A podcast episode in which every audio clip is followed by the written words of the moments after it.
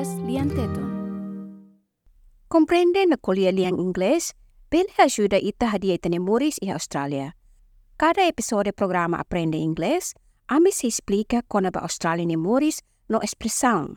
Ita bot, se hadia itani habilidade liang inglês, aprendemos como a Austrália no ia tempo hanesan, hak solok mos.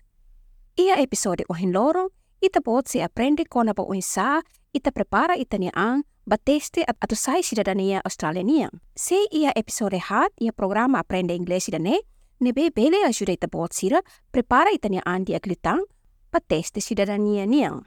Ia episode idane, ita bot se rona ia liang English, atu ne bele ajuda ita bot prepara dia aglitang. Ngai tarona hamutu. SBS live streams and podcasts are supported by advertising. SBS is Australia's most trusted multilingual broadcaster. Our listeners are loyal, highly engaged, and have supported countless local businesses. We offer advertising packages for businesses of all sizes. Our experienced sales team will guide you through the process of owning a great campaign. Bring your own ad or have our production team make you something in one of our 68 languages. Start the conversation with your new audience today. Email sales at sbs.com.au.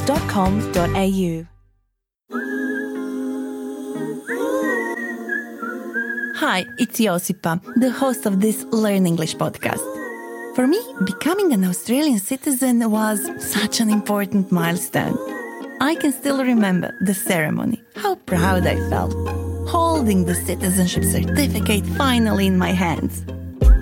But, as I'm sure you know, to become an Australian citizen, you have to pass a test. And the test is in English. So, we made a podcast all about Australian citizenship. We explain complicated words and ideas that are important for you to know. I also share some tips from my own experience. And you'll be able to test yourself with practice questions. Sounds good? If you're interested in becoming an Australian citizen, or even if you just want to understand more about Australia, keep listening. I'll now play you the very first episode. And to hear the rest of the series, just search for SBS Australian Citizenship wherever you get your podcasts.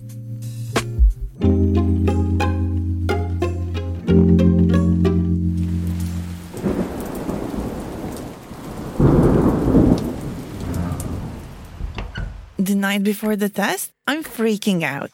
I'm staring at my notes, and each word feels like a challenge. Each phrase, like, you know, something that could confuse me.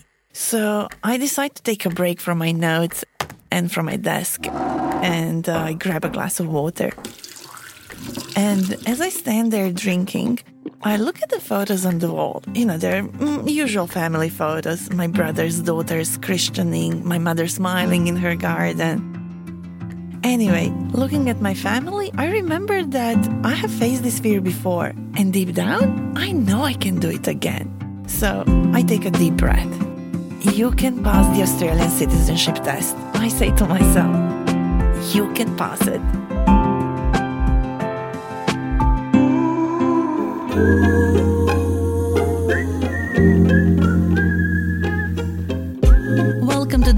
episode of the Australian Citizenship Podcast by SBS Learn English. I'm Josipa, and a few years ago, I pledged my loyalty to Australia at the citizenship ceremony. Joining me today is my friend Alex, Hey, Josipa. who is still pursuing the dream of becoming an Australian citizen. I must admit, I don't like the idea of having to take a test. I think it's natural to have mixed emotions about it. For me, for example, the language barrier has had a direct impact on my confidence. But your English is great. Yeah, well, a few years ago when I took the test, my English skills were less than decent, barely okay for day to day conversations. And the citizenship test demands a more profound understanding of Australian history, politics, and laws. And how did you score on the test? So the test has 20 questions, each with multiple choice answers. And you know what? I actually answered all 20 correctly. No way. Yes, I did.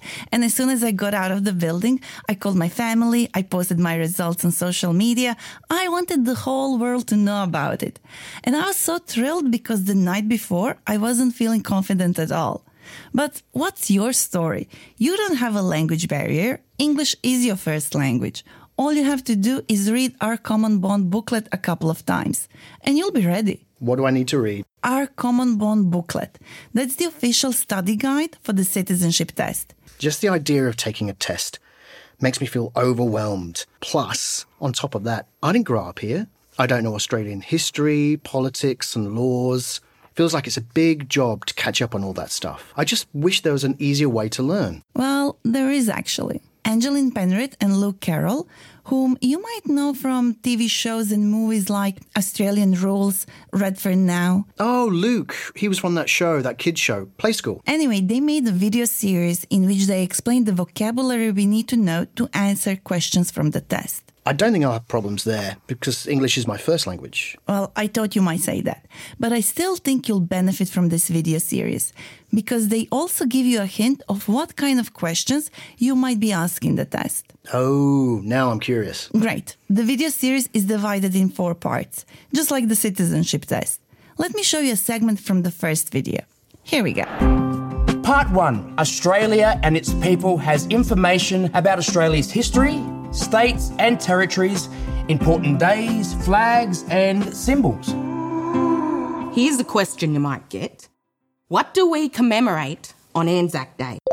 Commemorate. Commemorate means to remember, pay respect, and celebrate something. And do you know what Anzac stands for? ANZAC is a short word for the Australian and New Zealand Army Corps. Corps is one part of the Army that has a specific set of duties. They might also ask about Aussie flags. Uh, There's more than one. Each state and territory has its own flag. That's true, but you'll likely be asked about the three main flags. Or maybe we should use the expression from the booklet. You'll be asked about our officially recognised flags. And if something is officially recognised, It is accepted formally and publicly. but be careful. It's not enough to know how many officially recognised flags we have. You could be asked what the colours or symbols represent. Okay, let's stop here. This video is really interesting, but it's also making me realize how much I still need to learn.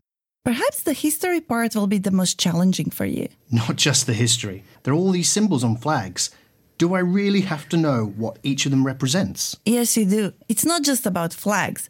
You could also be asked about other Australian symbols, such as the name of the Australian anthem. Advance something. It's Advance Australia Fair. And what can you tell me about the Commonwealth coat of arms? Ha, I know this bit. Um, there's animals on it. The Commonwealth coat of arms is the official symbol of Australia, representing Commonwealth property. Actually, in my test, I was asked about the animals.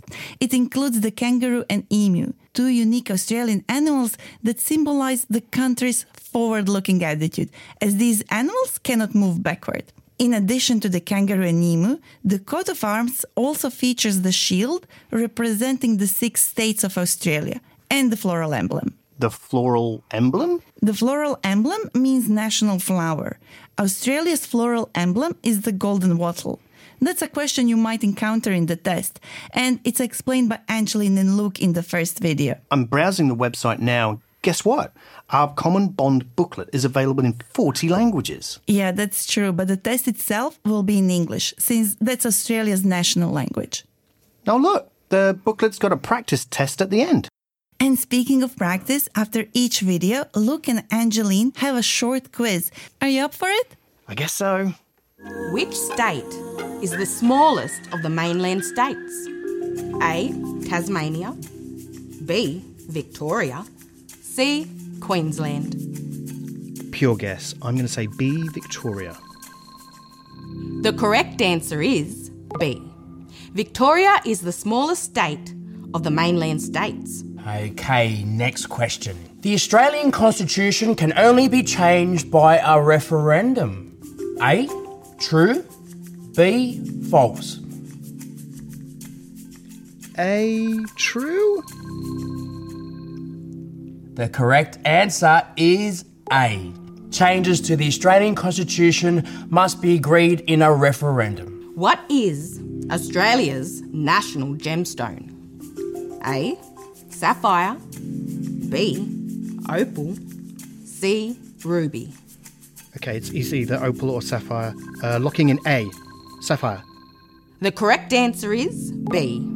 Opal is Australia's national gemstone. According to Aboriginal legend, when a rainbow touched the earth, it created the colours of the opal. Okay, next question. When do we commemorate Anzac Day? Is it A, January 26th, B, April 25th, or May 24th? I'm pretty sure it's A, January 26th. The correct answer is B. Every year on April 25th, we commemorate Anzac Day.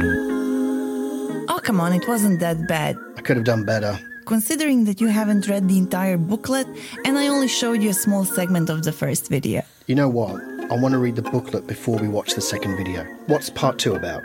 Part 2 focuses on Australia's democratic beliefs and the rights and liberties we share in this country. That's a lot. Can you be more specific? that doesn't tell me much. Well, instead of telling you, let me ask you a few questions. What is the rule of law? Mm, uh, next question. The rule of law means that everybody is equal under the law. And how about this question? Is the Australian government secular? I think I better go and watch the videos. And on that note, we reach the end of this episode. Keep listening and learning with me in episode two. You can find the video series and our other podcast episodes on the SBS Learn English website. That was my friend Alex, and I'm Josipa. Thank you for listening. And thank you for preparing for the test with me.